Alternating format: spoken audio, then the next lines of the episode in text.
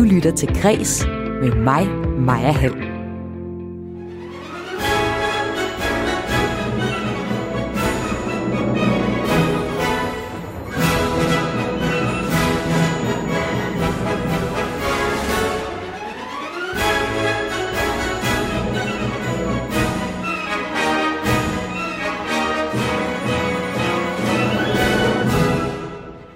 En række kulturbegivenheder bliver lige nu aflyst på grund af Ruslands invasion af Ukraine, efter at kulturminister Ane Halsbo Jørgensen lørdag gik ud og opfordrede kulturinstitutioner til at aflyse for eksempel den russiske nationalballet, der her i ugen var planlagt til at optræde landet over.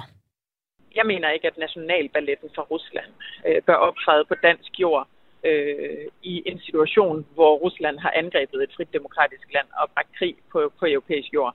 Arrangøren bag er enig i udmeldingen, men spørger frustreret over, hvem der skal betale regningen. Og ham taler jeg med først her i dit daglige kulturprogram Kreds her på Radio 4. Den dømte svindler Anna Delvis historie er omdrejningspunktet i en af de mest sete serier på Netflix lige nu. Netflix har betalt hende 1,2 millioner kroner for historien, og pengene er blevet brugt på blandt andet at betale bankerne, hun skylder penge, tilbage og på en stor shoppetur. Det er vanvittigt svært at vurdere, om det er okay at betale en kilde for at fortælle deres historie. Det mener formand for Medienævnet og advokat Vibeke Borberg, der senere i udsendelsen forklarer, hvordan dokumentargenren har udviklet sig, og hvor der i høj grad er ny kunstnerisk frihed. Det er kreds i dag. Velkommen indenfor. Mit navn er Maja Hall.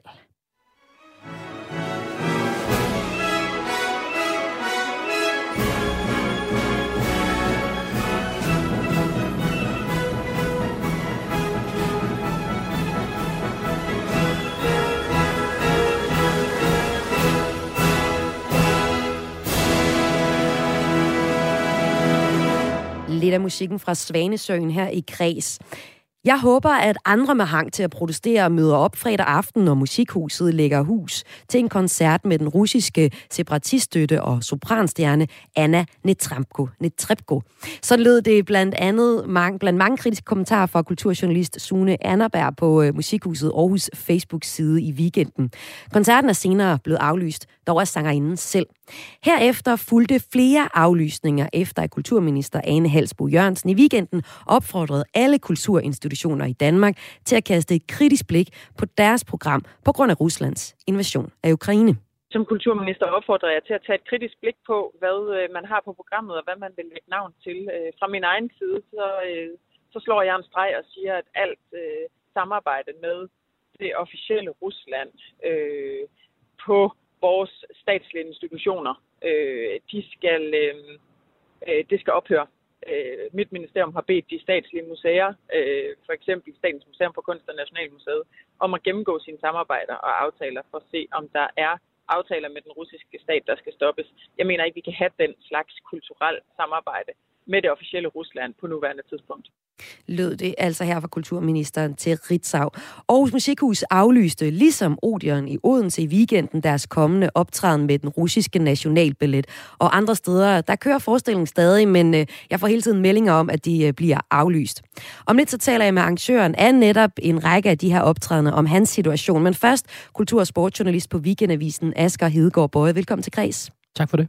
Du synes, det er interessant, at Ane Halsbo Jørgensen i weekenden opfordrede statslige kulturinstitutioner til at droppe russiske aftaler, og mener, at andre kultursteder bør gøre det samme. Hvorfor er det interessant? Men jeg synes, det er interessant, fordi vi har en kulturminister, der virkelig kommer på banen her øh, og mener noget. Og det er interessant, fordi at vi ser, at kulturen har en, en kæmpe stor betydning og også spiller en rolle i hele den her krise, vi, vi står midt i nu. Og den krise, den skal vi tale mere om øh, senere i programmet, hvor vi skal tale om, hvad de her kulturelle sanktioner, som vi kunne kalde dem, egentlig har betydning. Hvad har det af betydning, at man for eksempel aflyser Svanesøen? Og hvilken betydning har det, at både UEFA har valgt at tage Champions League-finalen fra Rusland, og at Rusland bliver udelukket fra dette års internationale Melodi Grand Prix Eurovision? Så du bliver hængende, Asger Hedegaard Bøje, men øh, nu kan jeg så byde velkommen til arrangøren bag de forskellige optrædener med den russiske nationalbillet, direktør i PH øh, Show, Peter Sindberg. Velkommen til Kreds. Ja, tak. Hvad er det for en situation, du står i lige nu? Ja, men uh, lige nu står jo en situation, at vi er ved at få af, aflyst alle forestillingerne. Og, og Ja, hallo, jeg ja. kan sagtens høre dig nu. Hvad, ja. hvad kommer den øh, økonomiske konsekvens til at være for dig, hvis opsætningerne bliver aflyst landet over? Der er jo flere steder, hvor, hvor du har øh, øh, kompaniet til at spille. Ja, men altså, det er, jo, det er jo det, der er sagens kerne. Det er jo, at øh, nu er vi jo heldigvis øh, i gang med at, at, at, at fundet løsninger for, for mange af de forskellige spillesteder. Øhm, og det håber jeg så også, det kan lade sig gøre, øh, også i Odense, sådan at vi ikke kommer til at, at lide et kæmpe tab i forbindelse med aflysningerne. Øh, min pointe er jo, at kulturministeren har meldt ud, at vi skal lukke alle arrangementer med forestillingen, og det er jo en gratis samgang. Jeg mener, at det er dem, der ligesom skal komme med en pose penge og dække os øh, vores omkostninger af. Jamen, kulturministeren siger jo så også, at det er en opfordring. Man kan sige, som vi også lige har hørt Asger Hedegaard Bøje sige, så er det usædvanligt, at kulturministeren kommer med så kraftig en anbefaling, som hun gør her, altså hvor hun beder statslige kulturinstitutioner om at droppe russiske aftaler. Øhm, hvad, hvad tænker du om, at hun gør det? Og der er jo, altså, det er jo bare en opfordring. Ja, det kan du sige, det er. Og det er også en gratis omgang. Men, det, hun, men hun lægger jo pres på alle kulturinstitutioner i Danmark, kan man sige. Og i sidste ende, hvem er det så, der skal betale? Øh, her er der jo tale om et... Øh, det er jo ikke et statsligt øh, foretagende øh, balletkompani. Det er jo privat ejet, som har hjemsted i Moskva. Og det er jo unge dansere, som tager rundt, og i øjeblikket optræder de jo også i Tyskland. Men, øh, men altså nu øh, har der jo været så meget hets omkring det, så, så nu tyder alt på, at alle forestillinger de bliver aflyst. Peter Sindberg, direktør i PH Show. Jeg ved, du skal videre til næste interview, men bare helt kort til sidst.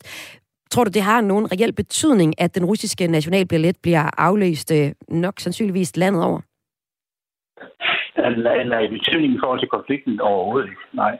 Og de er jo ganske... De, de er så kede af det, danserne. Altså, de er også imod øh, Putins styre.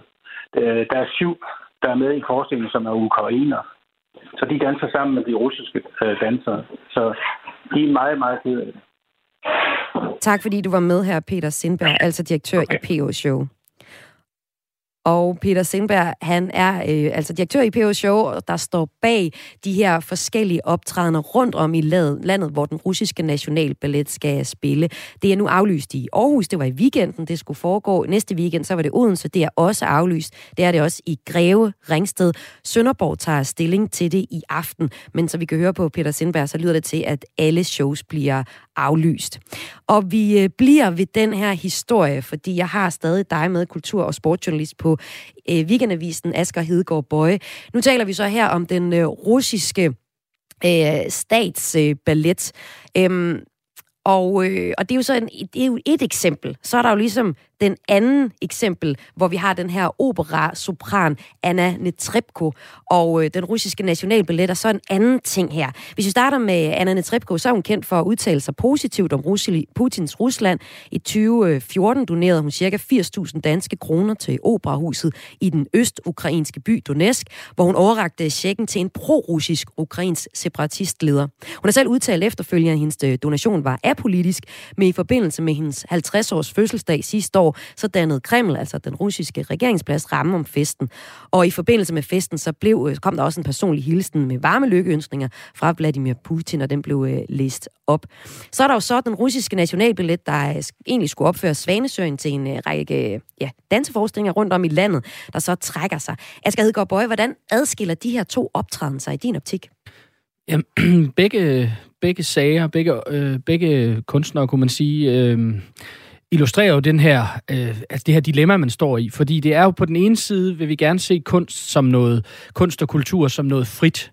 Altså noget, som, øh, som vi, øh, øh, som politikerne blander sig udenom, og som øh, er selvkørende og styrende på, på en vis façon. Det er jo ofte det, politikerne siger, både i forhold til kultur, kunst og sport, at det ligesom skal stå på egne ben, og der er sådan en form for armslængde princip. Og så står vi jo samtidig i den her akutte krisesituation, hvor alle gerne vil signalere øh, en afstandtagen til det, russerne gør i Ukraine i øjeblikket. Øh, og jeg synes, altså Netrebko er, illustrerer, hvor, hvor sindssygt svært det her dilemma er, fordi der er tale om en verdensberømt øh, øh, sangerinde, som står på scenen i egen ret, kunne man sige. Men samtidig ved vi jo også, som du lige har skitseret, at hun har det her venskab med, med Putin. Men er det nok til at pille hende af plakaten?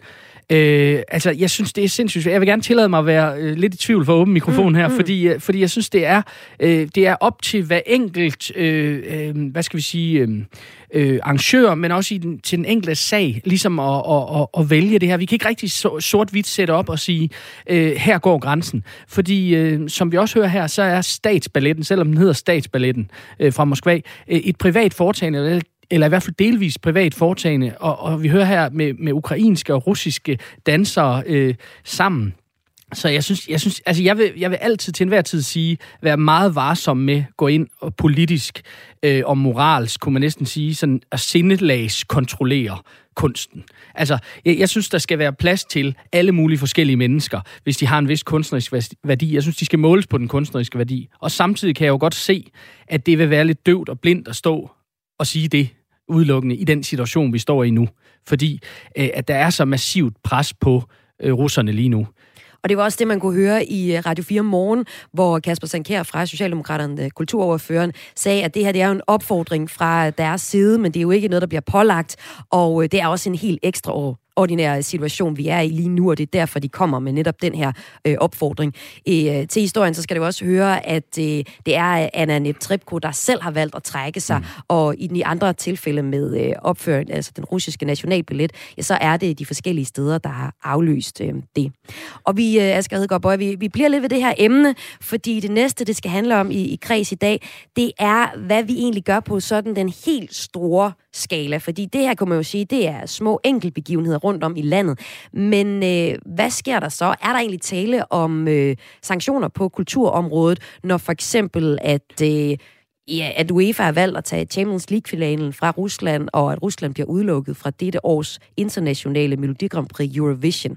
Og hvad det egentlig har af reel betydning sammenlignet med en kulturbegivenhed som øh, Svanesøen, der altså bliver afløst. Og lad os øh, bare lige runde det her med at høre lidt af Svanesøen, og så øh, fortsætte ned af historien. Du bliver hængende her i hvert fald.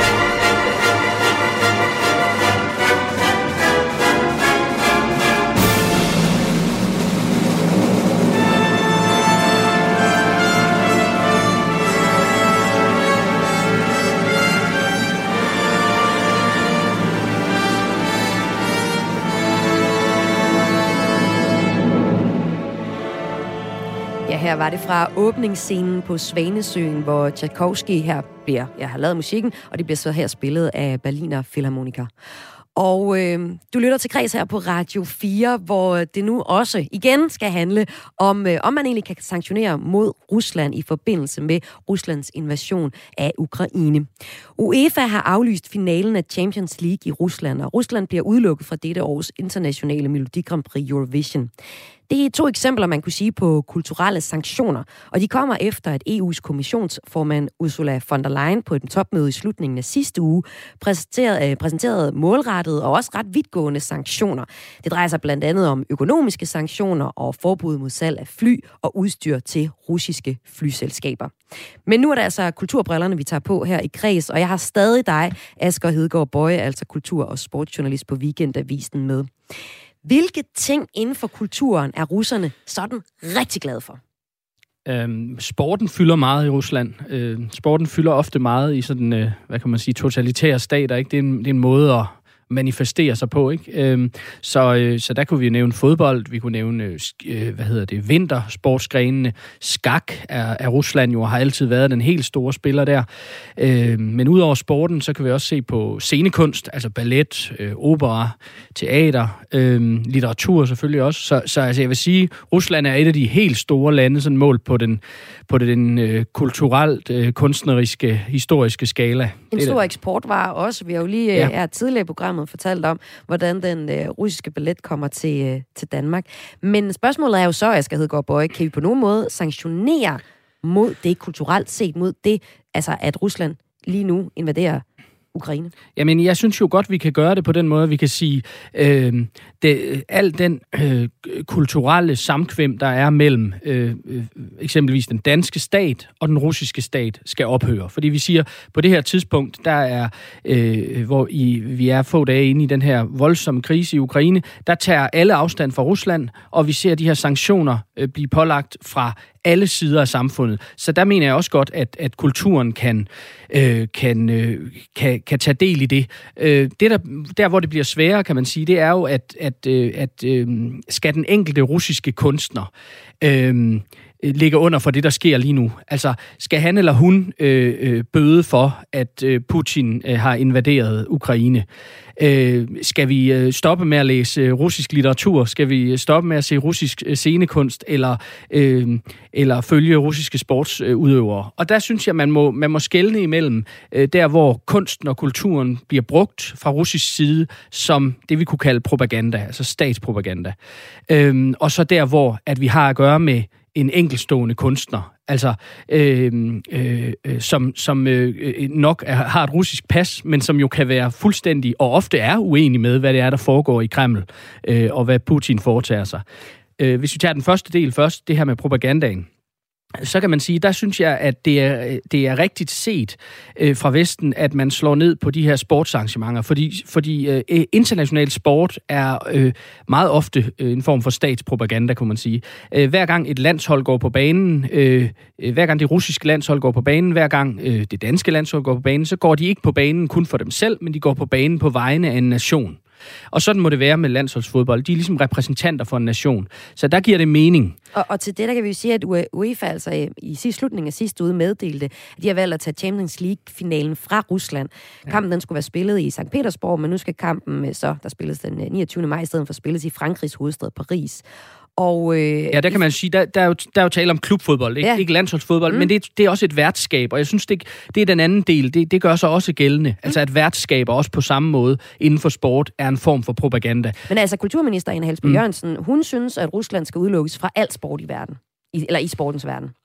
Mm. Så det er over den brede kamp. Ja, men... men øh, ja, øh, jeg, altså, jeg synes, det, det er svært at sige så generelt måske, men, men, men jeg forstår godt tanken, fordi at en russisk sportsudøver altid vil gå på banen i den sportsgren, han eller hun er med i, med et russisk flag på, kan man sige. Øh, det vi så øh, ofte ender med i de her situationer, det har Rusland allerede været blevet øh, øh, udsat for tidligere, det er det her med øh, sanktioner, som går på, at de skal stå op, eller de skal, de skal dyste under øh, ikke det russiske flag, men et, et, et neutralt flag, og de ikke skal kalde sig Rusland, men kalde sig noget andet. Det var det, vi så under vinter-OL så den slags øh, restriktioner er russerne efterhånden vant til. Øh, så, så, men, men det er klart, sporten bruges aktivt af Rusland og af alle mulige andre lande øh, som statslig propaganda. Så der kan det godt give mening at gå ind og ramme dem. Champions League-finalen, vil jeg bare lige nævne, skal, skulle være spillet i St. Petersborg, øh, i Putins hjemby, øh, på et stadion, der er opført af, af penge fra Gazprom, altså det her statslige øh, øh, gasselskab. Så, så der er sammenhængen fuldstændig entydig for mig at se. Og det er jo så fodbold. Lad os så prøve at se på øh, musik, kunne vi sige også. Fordi øh, i den anden side, så er der så øh, Ukrains stat-tv, de er opfordret til at starte med, at øh, European Broadcasting Union, altså også kaldet EBU, der står bag det årlige Eurovision Song Contest, at de skulle udelukke russerne fra at deltage. Og det øh, har de jo så også sagt ja til, og de bliver udelukket nu fra Eurovision, der kommer her til foråret.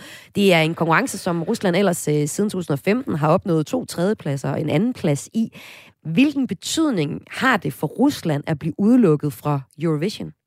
Jamen det er klart, at sådan, øh, øh hvad kan vi sige, kunstnerisk, øh, der, der ligger de i den anden skala i forhold til, nu har vi lige talt om, om Nationalballetten og Svanesøen og de her, som er de her tunge, øh, sådan med stor, øh, hvad kan vi sige, kulturel, historisk kapital. Her er der ligesom tale om, om noget andet, en popkulturel øh, sangkonkurrence, øh, men det er også noget, der fylder meget i Rusland, og som du siger, et land, der har haft øh, gode resultater der, og det er også et sted, hvor man igen kan sige, Øh, vi siger jo ikke til en, en, en, øh, et Melodi Grand Prix eller Eurovision, der siger vi jo ikke, at øh, de 12 point går til den kunstner. Vi siger 12 point til Rusland, mm. eller 12 point til Danmark. Så der har vi også helt klart den her sammenhæng mellem kunst, øh, kultur og, og, øh, og, og statslig propaganda, eller, eller øhm, øh, ja, den her sådan, promovering af sit eget land. Så der, der kan jeg også godt se ideen med, at, at, øh, ja, at, de ikke, at de så ikke er med der i den her omgang. Og det er jo så storpolitisk. Så har vi jo her i, i starten af Kreds, der er dit daglige kulturprogram her på Radio 4, som du lytter til lige nu, talt om øh, nogle... Øh,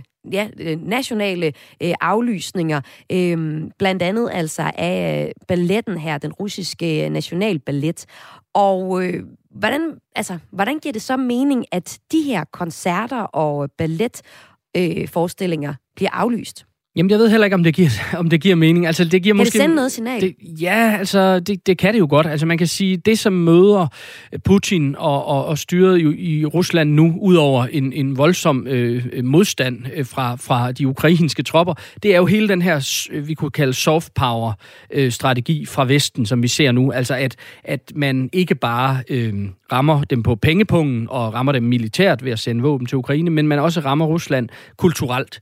Og så kan man jo altid sige, det er jo en, en gammel diskussion i forhold til det her med, hvor meget betyder det egentlig. Men selvfølgelig har det, selvfølgelig har det en betydning, når det, når det er så bredt, øh, og det ikke kun kommer fra få lande i Vesteuropa, men det virker som en stor del af, af en samlet verden, som, som ligesom står op mod Rusland, også på det kulturelle område. Så det betyder noget, og Rusland er en sindssygt stolt nation. Det er jo måske nærmest kernen i hele den her konflikt. Altså en nation, der engang har været endnu større, da de hed Sovjetunionen, og engang har set sig selv som en, en, en, en kolossal vigtig spiller øh, på verdensscenen. Ikke kun politisk politisk og militærisk, men, men også også kulturelt. Øh, så, så, så det har en, altså man kan sige, har det en effekt, vi kan måle? Det har det formentlig ikke, men det er jo med til at danne det her billede af, øh, russerne er gået for langt i de flestes øjne, og de straffes så på alle de tænkelige måder, de kan, og også igennem kulturen. I dag har vi så også øh, hørt om øh, Coop, der øh, ikke vil have russiske varer på hylderne. Der er et, øh, et, der kommer en teaterpremiere her i den her uge, som er baseret på en russisk forfatter, et gammelt stykke. Altså, hvor, hvor langt ud kan man gå på det her i forhold til, at det giver mening? Altså, ender det her med at bare blive ren branding i din optik, Asger Hedgaard Ja, eller ren, øh, man kunne næsten også sige en form for, for, for forfølgelse, altså alt russisk. Altså, og, og du har ret i, der ligger også sådan lidt en, jeg vil ikke sige gratis reklame, men der ligger en reklame i det her med at være den virksomhed, eller den, det supermarked, der siger, vi piller øh, vodkaen øh, af hylderne.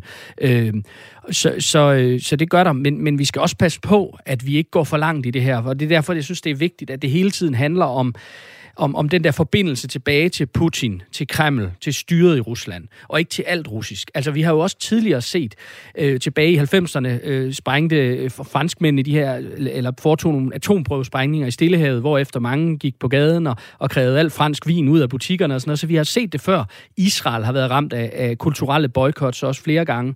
Øhm, og jeg, og, men det er, sindssygt, øh, øh, det er sindssygt vigtigt hele tiden at holde sig for øje, at det ikke er alle russere, heller ikke alle russiske kunstnere, som, som, som er en del af det her. Men, men når forbindelsen, når vi synes forbindelsen er for øh, tydelig, kunne man sige. Og det har man så fra Kulturministeriet jo vurderet her, at, at en statsballet, det, det lugter lidt for meget af statspropaganda, kunne man sige.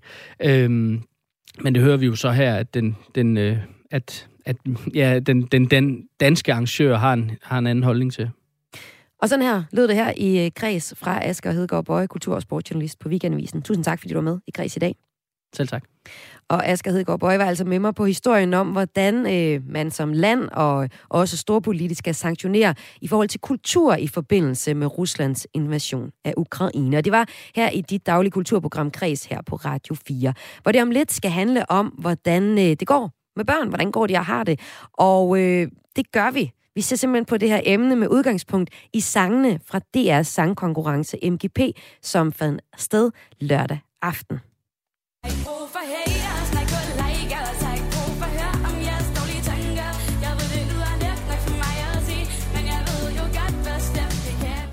Her var det en bid af vindersangen Hater. Og selvom medierne ofte er fulde af kritik af børns optagethed af sociale medier, så ser vi i øh, musikprogrammet, altså i Melodi Grand Prix MGP, også positiv fokus på nedzonede kønsidealer og fællesskab. Så lyder det fra en sociolog, som er med i programmet senere i dag, hvor vi altså giver en analyse af de yngste i samfundet. Hvordan har de det? Og det gør vi med udgangspunkt i MGP-sangen. Men øh, inden det skal handle om det, så skal det først her i Kreds handle om etikken i en af de mest sete tv-serier lige nu. Du lytter til Kres med mig, Maja Hall. Hvad der svarer til 2,1 millioner danske kroner har den dømte svindler Anna Delalvi Delvi undskyld, fået af Netflix for at fortælle sin historie. Historien er blevet øh, til serien Anna Inventing, Inventing Anna, der lige nu er den mest sete serie på Netflix. Serien handler om Anna Delvey, der i gennem en årrække rigtig i virkeligheden snød banker og hoteller for over 275 millioner dollars, det skriver Soundvenue. Og med mig har jeg nu øh, advokat og formand for medienævnet, Vibeke Borberg. Velkommen til Kreds. Tak skal du have. Som advokat og formand for medienævnet, er det okay at betale en svindler som Anna Delvey for at få lov til at fortælle hendes historie som en serie på Netflix? Altså man kan i hvert fald sige, at der er ikke nogen øh, regler, der forhindrer, at man gør det. Man, man er altså ikke inde i noget lovgivning, som man skal tage hensyn til, når man afgør, om man vil betale for at få den her historie. Så vi er inde i etikken, i, i medie- og presseetikken, og man kan sige, øh, det der selvfølgelig også er lidt særligt ved, øh, ved, ved, ved den her dokumentar, det er jo, at, at den kommer i det, vi kalder nogle af de nye medier, som ikke ligner de traditionelle medier fuldstændig, men som har produkter, som, som trækker på de samme metoder og de samme genrer. Og derfor skal vi også sådan tilpasse etikken lidt til, øh, at det er nogle andre medier, end hvis for eksempel det havde været DR, der havde lavet den her dokumentar, eller det var blevet til en artikelserie i en avis for eksempel. Så, så der er nogle forskellige parametre, der går ind øh, og får betydning. Det er man sådan... Ja. Og Vibeke Borber, ja, lad mig lige fortælle lidt om, øh, om øh, serien her for, for lytteren, fordi det er jo egentlig en dramaserie. Den hedder Inventing Anna, og den kører lige nu på Netflix. Det er en dramaserie, der handler om en journalist, der øh, optravler Anna Delvis historie i forbindelse med en retssag. I might have a story. Her name is Anna Delvey or Anna Sorokin, no one's sure. Ja, hun hedder Anna Sorokin i virkeligheden, og er en russisk-tysk dømt bedrager. Mellem 2013 og 17 der udgav Sorokin for at, så for at være en velhavende tysk arving under navnet Anna Delvey. I 2017 der blev hun så anholdt efter at have bedraget, eller ja, i hvert fald virkelig, ja, bedraget store øh, institutioner og, øh, og banker og hoteller i øh, USA. She's either a rich German heiress or she's flat broke. The charges are insane. Anna committed real white collar felonies while posing as a socialite in an attempt to steal millions of dollars. Og i 17 så blev Sorokin i øh, New Yorks delstatsdomstol dømt for forsøg på grov tyveri. Hun blev idømt 4 til øh, 12 års fængsel. Netflix de har så købt rettighederne til en produktion relateret til Sorokin og udviklet en, øh, jeg vil sige, en, en øh, tv-udgave af hendes historie med titlen Inventing Anna, som altså havde øh, premiere for nylig, og som er de, en af de mest sete serier på Netflix lige nu. Så det her, øh, Vibeke Borberg, er jo en, en dramaserie. Hvordan kan du så også sammenligne den med en, en dokumentar, som du var lidt inde på her først? Det er jo også øh, enormt svært, og det er en kæmpe udfordring for den måde, vi ser på både medieret og presseetik på, at, at, at, at de retningslinjer, der ligesom er for det, de er udviklet med henblik på nogle medier, som vi i dag kalder de traditionelle medier. Og det, som blandt andet er blevet meget populær genre de senere år, det er jo den her, den her sådan øh, lidt instruerede dokumentar. Altså en, en dramaserie, som på en eller anden måde er bygget over og skal fortælle en virkelig historie, men som på den anden side benytter sig af nogle virkemidler, som vi mere kender fra fiktion eller fra sådan den der dramaturgiske iscenesættelse af virkeligheden. Vi har også haft diskussionen om, om kendis dokumentaren, hvor det lidt er det samme, der er tilfældet. Ja. Og man kan se, ja. Ja, i den dokumentar, det var den, der var i starten af februar, den meget almelderolske dokumentar Candice for livet, den fik egentlig øh, kom ud øh, sidste efterår, men den fik så premiere på DR-TV øh, her i starten af februar, hvor den så efterfølgende, der har i hvert fald DR fået en del kritik for blandt andet at betale for en af de medvirkendes rejse til Costa del Sol. Og ifølge deres øh, etiske retningslinjer, så skal seerne gøres klar over, hvis en film er iscenesat, hvilket de så ikke selv synes var tydeligt nok, og derfor så var DR ude og, øh, og undskylde offentligt. Og Vibeke Borberg, man kunne så også godt spørge, spørge dig her, om du som advokat mener, at selvom det ikke har gjort noget ulovligt, så udskylder de alligevel. Kunne man også sige, at, at Netflix egentlig også burde bør gå ud og undskylde, i hvert fald selv fortælle, at de har givet 2,1 millioner kroner for at fortælle den her historie? Jeg, jeg, synes, jeg synes, det er et svært spørgsmål at svare på. Jeg synes egentlig også, at, at altså jeg kan være i tvivl med mig selv og min egen faglighed om, hvorvidt det er behøvet at gå ud og undskylde. Øh, I virkeligheden handler det jo lidt om, hvor tydelig man er med det, man gør, om det står klart for seerne, uanset om, om det så står mejslet i sten, eller det bare sådan ligesom fremgår af, af, af hele dokumentarserien, at der er en vis iscenesættelse. Det man kan sige, der er faldgrupperne med det her med at betale for, øh, for at få nogen til at medvirke i en dokumentar, det, det, øh, det er jo for det første sådan et grundlæggende princip inden for journalistikken. Så kan vi spørge, om den så gælder fuldt ud, når det nu er sådan en, en, en serie med, med, med, visse, med, med visse dramatiske elementer. Men inden for journalistikken, der, der, der er det jo sådan lidt et grundprincip, at man kommer for tæt på sine kilder, man risikerer at miste sin kritiske sans, man risikerer at komme lidt i lommen på sine kilder, hvis man betaler dem. Mm. Vi har jo i flere omgange i Danmark for eksempel diskuteret det i orden, at medierne betaler tipper, betaler for et tip.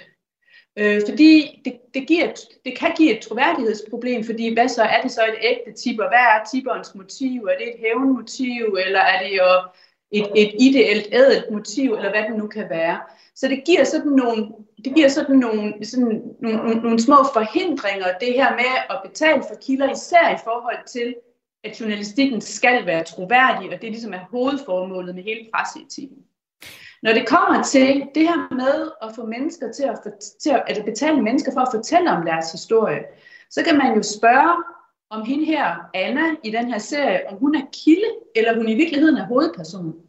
Hvad mener du? Altså, hvis, jamen, altså serien handler i så høj grad om hende og hendes liv, at hun måske ikke lige passer ind i det traditionelle kildebegreb, som er en person, der kommer med oplysninger til medierne. Altså belyser et spørgsmål for medierne, eller har kendskab til nogle særlige forhold, som medierne gerne vil dække. Her kommer vi lidt ind, hun kommer lidt ind mere som en hovedperson. Det er simpelthen hendes liv, det handler om. Og når man kommer ind og gerne vil fortælle en historie om en persons liv, der går meget tæt på, så kan det sådan set være en god idé for et forlag, eller et produktionsselskab, eller en tv-station, at have en aftale med den, man gerne vil dække, fordi ellers er der simpelthen nogle grænser for, hvor tæt man kan gå på vedkommende. Og det at have en aftale, om det så er med eller uden penge med vedkommende, er jo lidt det samme som at have et samtykke til at gå tæt på at fortælle historien. Det kan også være, at man får en eksklusivitet, altså det er kun det pågældende, der får historien, og får lov til at tale med hende, hvilket også igen giver en fordel for, for, for eksempel Netflix. Øh, og vi kan jo se, at sådan en serie her har kæmpe stor økonomisk betydning for Netflix. Det er simpelthen den mest sete, det er det sete, mest sete program i øjeblikket, de har. Så, så, så, så det giver sådan nogle, kan man sige, nogle fordele i, hvor tæt man kan gå på det der med, at man laver en aftale. På den anden side, hvis man gerne vil have, at den dokumentar, man laver, fremstår som troværdig, og man har været det hele igennem, man har vendt hver en sten, der er både ting, der taler for og imod, her er tvivl om, hvordan historien skal forstås, eller hvad det nu kan være, så kan det altså give et troværdighedsproblem, at de oplysninger, man bringer, dem har man betalt for. Og ja, det kan give, give kritik af, om man egentlig har fornøden kildekritik til at fortælle en dokumentarisk historie. Ja, ja, lad os lige blive ved det, fordi der er jo et ekstra lag i historien med Inventing Anna, som altså bygger på Anna Sorokins øh, historie. Øh, Anna Delvey, som er den øh, person, hun, hun øh, foregiver at være. Øh, fordi hun har svindlet sig til øh, rigtig mange af de penge, som øh, hun bruger har fået succes øh, med. Øh, så, så, så Vibeke Borberg, altså, hvad er sådan den vigtigste etiske overvejelse, som Netflix bør eller har burde gøre sig, øh, når de har betalt netop hende, altså netop en dømt kvinde, en hel masse penge? Ja, altså, altså man kan jo spørge, om, om, om det i sig selv egentlig er et parameter, men, men, men vi har i Danmark for eksempel haft diskussionen om, hvorvidt skulle man dække de her dømte rockere, efter de er kommet ud øh, har afsonet deres straf. Altså om, om man ligesom forhærliger kriminelle og, og, og, og grove kriminelle øh, ved at fortælle deres historie, så til med endda give dem sådan, kan man sige, nogle rettigheder i forbindelse med, at man fortæller historien. Så jeg synes, altså jeg synes umiddelbart, at, at den største etiske faldgruppe er, om man kan fortælle historien så kritisk, og med, og med den, kan man sige, distance til de ret alvorlige forbrydelser, som det handler om, når man samtidig er lidt i lommen på sin kilde øh, og sin hovedperson, og faktisk har fået i hvert fald en del af informationen om hende og hendes liv ved at betale hende for at være med. Så i virkeligheden så, så, så, så, går, så er den etiske faldgruppe om det produkt, man ender med at have, om det har den armslængde i forhold til den person, man dækker, som man gerne vil have, hvis man skal kunne fremstille det som en dokumentar. Ja, så siger du så også, at når du sammenligner med, med andre eksempler om, hvor man har haft øh, rockerbander eller øh, rockerdømte inden, øhm, og lavet ja, for eksempel biografi, eller, eller hvad det ellers skulle være, dokumentar, øhm, hvor, hvor der også er et, et element i at overveje som medie, om man skal give platform til præcis. dem her. Er, ja, præcis. Og hvad kan der ja. være af overvejelser i forbindelse med Inventing Anna, som er den her Netflix-serie, der, der ligger lige nu? Jamen, i virkeligheden de samme. Altså, altså man skal huske på, at, at det, som medierne bringer, det, det er jo det, vi tager ind i den offentlige debat, og også, også ofte ind i den politiske debat. Det vil sige, det, det bliver jo nogle emner, vi taler om. Og der, er det jo, der har medierne selvfølgelig et betydeligt ansvar for at afbalancere de her forskellige emner, som de bringer ind. Nu kan man diskutere, hvad Netflix er for en type medie. Ja. Altså, det er jo ikke det er jo ikke et traditionelt nyhedsmedie, men ikke desto mindre, så får mange af de dokumentarer, de laver, de får jo en enorm stor udbredelse. Og der, der er det klart, at, at, at hvis man laver en serie, der er for lækker, og for flot, og for interessant osv., om, om nogen, der faktisk har begået meget alvorlig kriminalitet, så kunne man jo godt få øh, have den indsigelse over for det, at, at det skulle de måske ikke gøre. De skulle måske fremstille det på en måde, så det mere svarer til, øh, hvad det egentlig handler om, nemlig grov kriminalitet og grove kriminelle. Og der tror jeg, vi tabte Vibeke Borberg. Nej, du er her endnu. Og grov kriminalitet var det sidste øh, ord i det. Ja. Og øh, Vibeke Borberg, jeg vil også sige uh, tusind tak for, at du var med i uh, Kreds i dag, altså advokat og formand for medienævnet, Vibeke Borberg. Tak fordi du var med i Kreds. Selv tak. Og vi kan være med på historien om den her, øh, ja, historien om den øh, svindleren, Anna Delvey, som der lige nu er en Netflix-serie om, der hedder Inventing Anna.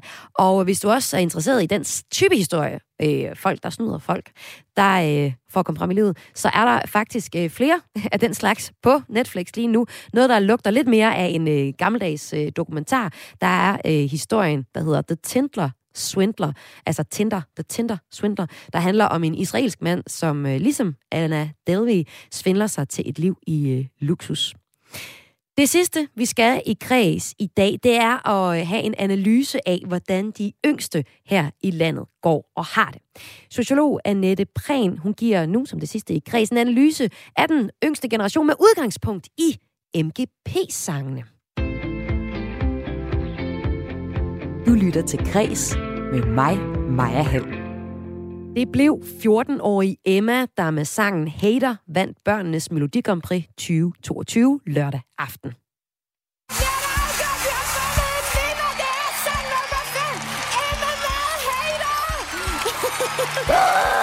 Ja, det der blev altså skrevet her, det var, at Emma med Hater, sang nummer 5, vandt.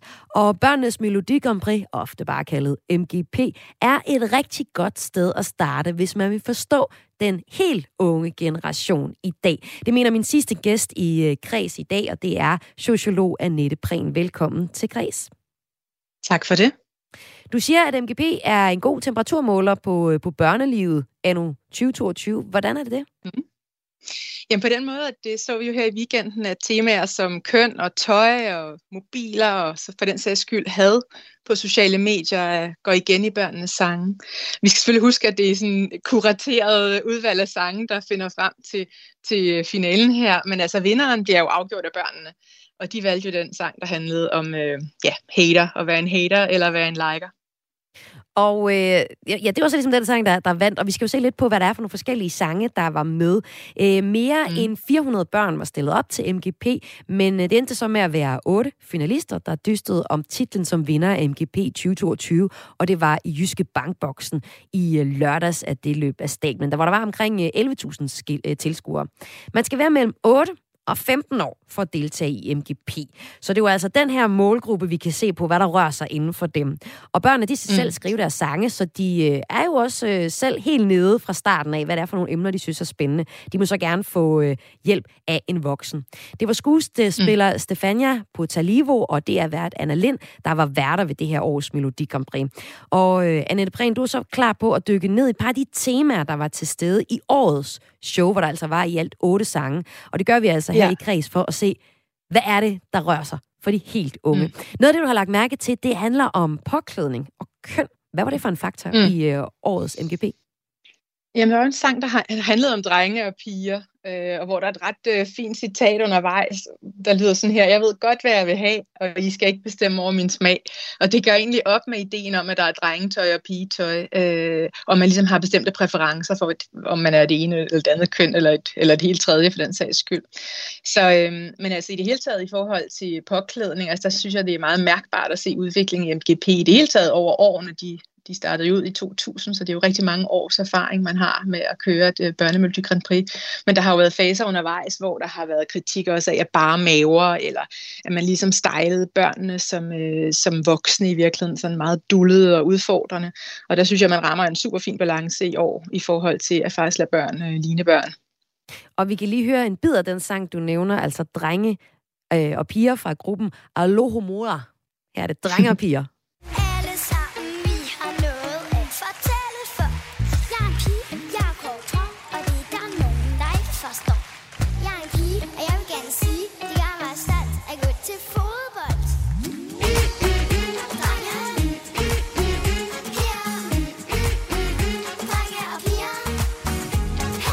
Så med det her nummer, Annette Prehn, der mener du altså, mm. at uh, et af de emner, som uh, de unge, helt unge går op i, det er altså, hvad man må klæde sig som ved. Og, og, og passer det også sammen med, hvad de kendskab ellers er til lige præcis den her målgruppe? Ja, altså, men jeg vil også sige bredere end bare det at klæde sig. Altså hele mm. den tid, vi lever i lige nu, den tidsånd, der dominerer, er jo meget også et opgør med nogle dogmer om, hvad, hvad man bør være, eller hvordan man bør se ud. Mm. Øh, for lige at tage et lille besøg på den anden kanal, altså en af de store i Danmark, TV2 i X-Factor her i fredags, altså der var faktisk to anledninger, hvor Sofie Linde, som er været inde, følt trang til at påpege, at dommerne skulle altså ikke øh, ud i at mene noget om, hvad for noget tøj øh, deltagerne havde på. Der var sådan nogle kommentarer mellem sidebenene, hvor hun var meget klar i sin grænsesætning. Altså, så det er jo ikke bare, om, om det her handler om. Hvor det altså også ja. handlede om pigetøj og drengetøj, eller hvad man skal sige? Nej, altså det handlede om udseende. Okay. Altså det der med, om den ene, ligesom uh, kunne, din styling kunne godt få et nyk op, sagde den ene mm. dommer Martin Jensen, og, og Blackman var ude i at sige til en deltager, at du må ikke træne mere under det her forløb. Altså han skulle være en musiker, han skulle ikke være en bodybuilder og sådan noget, hvor Sofie Linde var meget markant. Øhm, i hvert fald det om, den del om udseende, det skal du ikke bestemme, sagde hun tilbage. Ikke?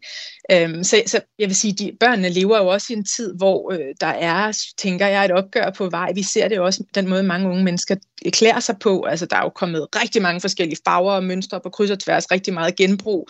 Og det kan godt være, at visse øh, mennesker vil kigge på dem og sige, ah, okay, passer det der sammen? Men et, det kan være, at de synes, det passer sammen. To, det, vi skal ikke nødvendigvis bekymre os om, hvad andre render rundt og går med. Og det synes jeg er meget markant også i en sang som den her.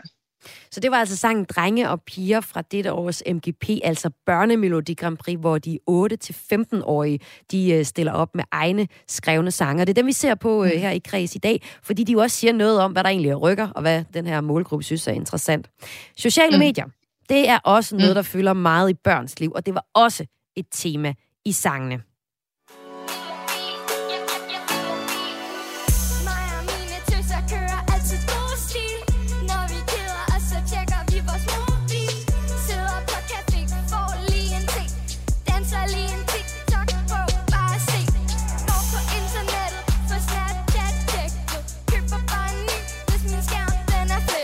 Ja, her var det Min Mobil med Seven, og øh, vindersangen, den havde øh, også de her begreber med haters og likers, som vi også kender fra mm. sociale medier.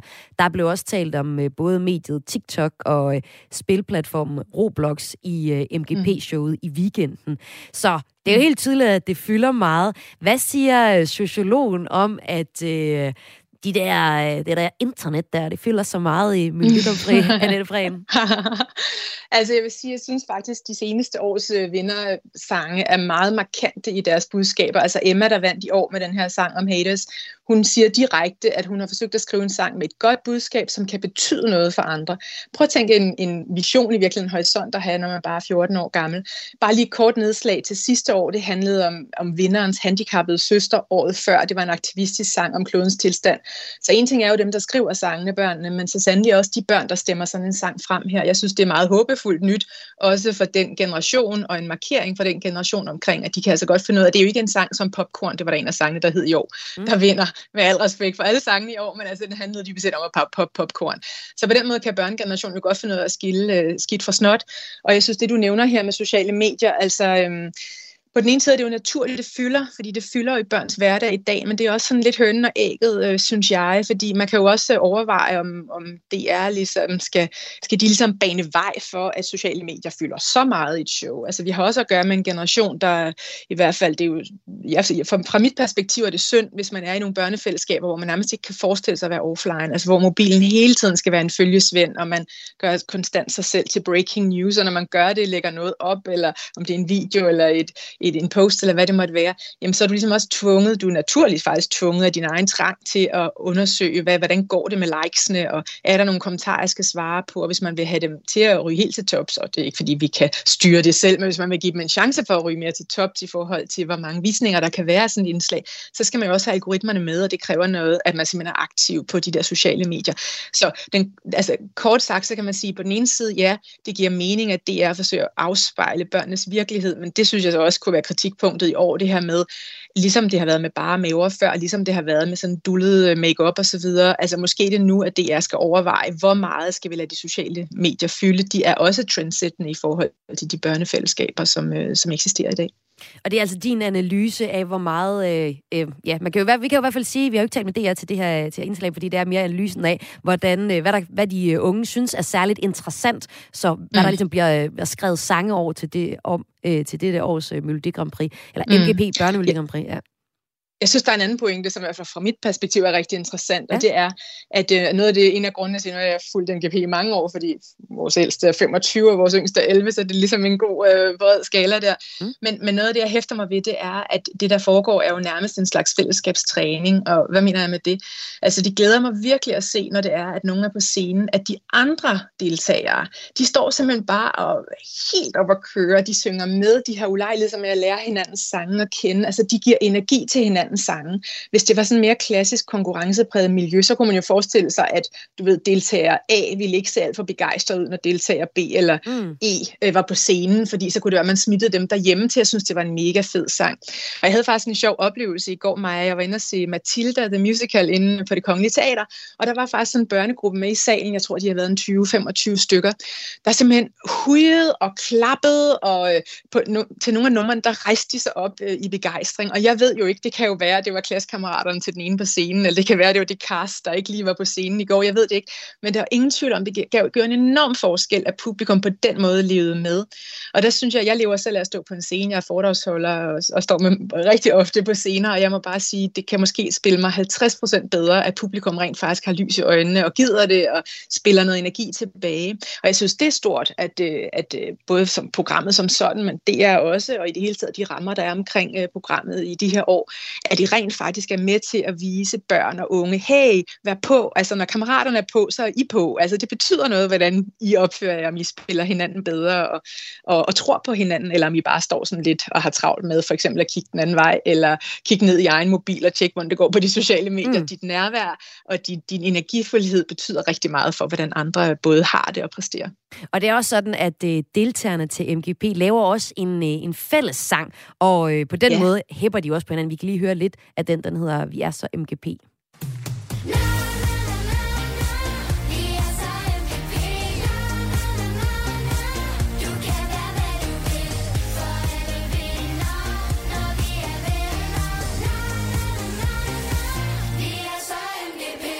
Så men det kan jeg jo spørge dig, sociolog Annette Prehn. Ja. Det står ikke så skidt til med den yngste ungdom i Danmark, hvis man øh, kigger udelukkende på MGP-sangene. Nej, jeg synes faktisk, at MGP, altså på linje med sådan noget som Ultranyt og Børneavisen, siger noget rigtig vigtigt om vores kultur i Danmark, og det er, at vi tager børn alvorligt. Det har jeg glædet mig over i rigtig mange år, men det, og den tendens er kun blevet mere og mere øh, udpræget i de år, der de forløbende år her, og jeg tænker også, at børnegenerationen nu, de, har, de havde så meget fortjent den type show i går. Både dem, der var på scenen, dem, der var i salen, og de andre foran skærmen. Ej, hvor må det have været en fest. Endelig, endelig, endelig efter sådan en lang corona, rent faktisk at give den max gas igen til MGP. Ja, så kan man jo sige, de rammer jo også nogle ret tidstypiske emner. Sangen i år, der hedder Haters, vi hørte den i, i fuld udgave øh, lige om lidt. Men øh, sidste år, så er det, eller tidligere år, så har det også været øh, klimasange. Kunne man forestille sig, at det næste år bliver Rusland øh, en, en version af Ukraine-sang, der kommer på? Altså, at følger den helt unge, de 8-15-årige, med i, i selv det? Ja, det gør de jo, og mange bliver skræmt af det, så man kunne sagtens forestille sig både sange om fred, eller sange om mm. angst, eller sange om magtesløshed, eller lignende.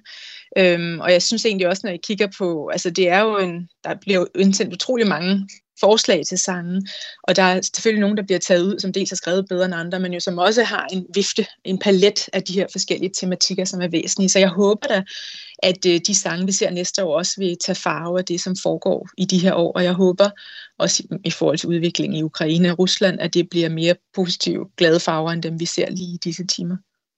Så lød det fra sociolog Annette Prehn. Tak fordi du var med i Kreds i dag. Velkommen. Og Annette var altså med her i Kultur, Kultur magasinet Kreds på Radio 4 til en snak om øh, børnenes MGP, som først sted her i weekenden, og hvor øh, Annette gav en analyse af, hvordan det egentlig går med den aller yngste generation, hvis vi ser på de sange, de skriver. De voksnes Melodi Grand Prix, det finder sted næste weekend. Det er også i Jyske Bankboksen. Det show, det kommer også til at bage præg af børnenes MGP, faktisk. Fordi to af deltagerne til Melodi Grand Prix, det er tidligere MGP-deltagere. Den ene af dem, det er Emma Pi, der vandt øh, i 14 med sangen Du ser den anden vej. Hun stiller op til øh, det voksne Melodi Grand Prix sammen med sin far, og de danner øh, duen, der var engang og stiller op med nummeret En skønne dag. Desuden så stiller Morten Filmsen også op med sangen Happy Go Lucky, og han var med i MGP. Den dengang jeg så MGP som lille, og det var med sangen Du ikke som de andre piger. Vi slutter her i kreds af med vindersangen til dette års MGP. Den hedder Hater, og den er med 14-årige Emma fra Brande i Midtjylland. Og